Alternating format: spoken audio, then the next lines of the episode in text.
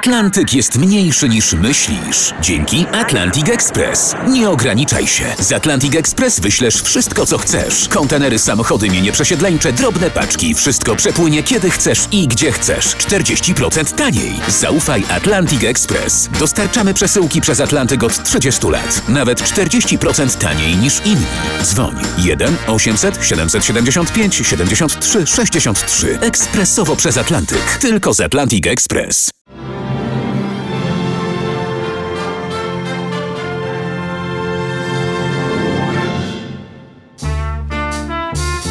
Nie będę się popisywał i zamiast samemu wymyślać efektowne określenia, posłużę się określeniami tych, którzy go znali osobiście, a przynajmniej na jego temat przeczytali wszystko, co dostępne na naszym i obcych rynkach.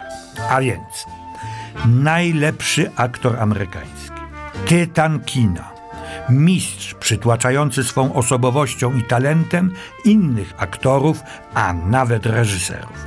Człowiek, który nieodwołalnie zmienił oblicze sztuki aktorskiej, a jednocześnie święty potwór, apodyktyczny i nieznoszący sprzeciwu, paraliżujący swą energią i magnetyczną siłą. Człowiek i aktor o niezwykłej charyzmie, pierwszy reprezentant straconego pokolenia, najlepiej je wyrażający. Wystarczy. Takimi określeniami, żeby nie powiedzieć epitetami, a to zaledwie znikoma ich część, obdarzano go od debiutów scenicznego i filmowego po późne lata. Na scenie uderzył grom kiedy w 1947 roku zagrał Stanleya Kowalskiego w sztuce Tennessee Williamsa Tramwaj zwany Pożądaniem. Jak to się mówi, zagrał realistycznie aż do bólu. Tak prawdziwie, głęboko i chwytająco za gardło nie zagrał tej skomplikowanej postaci do tej pory nikt. Narodził się wielki talent.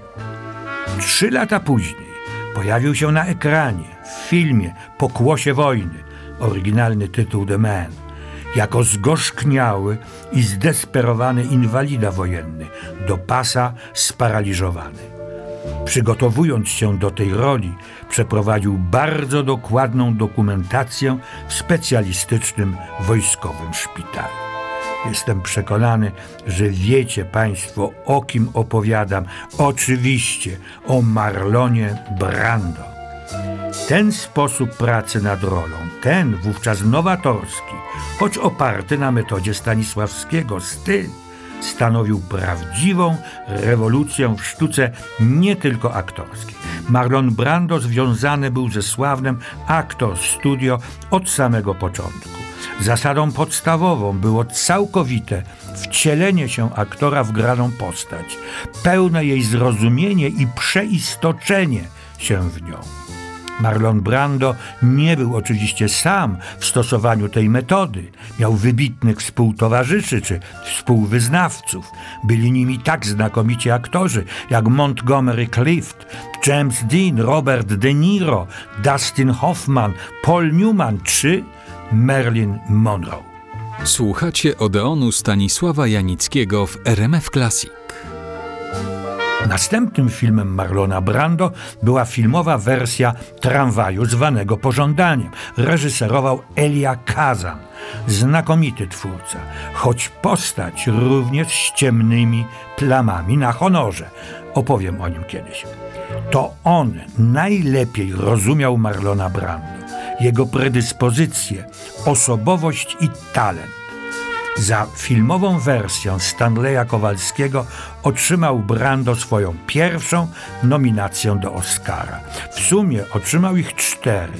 Poza tramwajem za rolę Viva Zapata w reżyserii tegoż Eli Kazana oraz w Juliuszu Cezarze Mankiewicza i Sayonara Logana swego bohatera w tramwaju zwanym pożądaniem tak krótko scharakteryzował. Kowalski ma zawsze rację.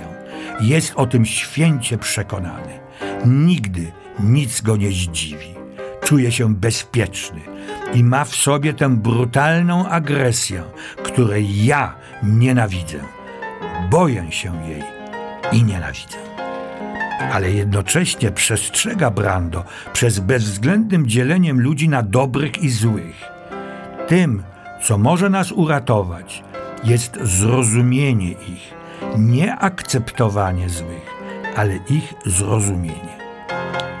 Wymieniłem przed chwilą w jednym ciągu aktorów amerykańskich, którzy też stosowali metodę Actor Studio opartą na szkole Stanisławskiego.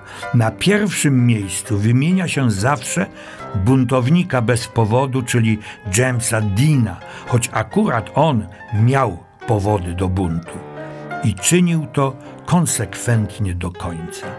Ciekawe jest zdanie o nim Marlona Brando. Powiedział on: Rozumiem, jak trudno jest Jamesowi Deanowi, kiedy zwaliła się na niego ta sława i ten cały hollywoodzki cyrk. Podobnie działo się z Marilyn Monroe. Mam też i ja swoje doświadczenia w tym względzie. Naśladując mój sposób grania, popełniał błąd. Powiedziałem mu to. Aktorstwo wymaga absolutnej koncentracji. Zanim zagram jakąś scenę, analizuję ją. Na bohaterze przeprowadzam prawie psychoanalityczną wiwisekcję. Potem dyskutuję z reżyserem i przystępuję do prób. W czasie zdjęć wkładam do uszu zatyczki, żeby wyeliminować wszelkie hałasy, które niszczą moje skupienie. I na koniec coś lżejszego. Marlon Brando. Moim najlepszym przyjacielem są potrawy. Jeśli chcę poprawić swoje samopoczucie albo przeżywam jakiś życiowy kryzys, otwieram lodówkę.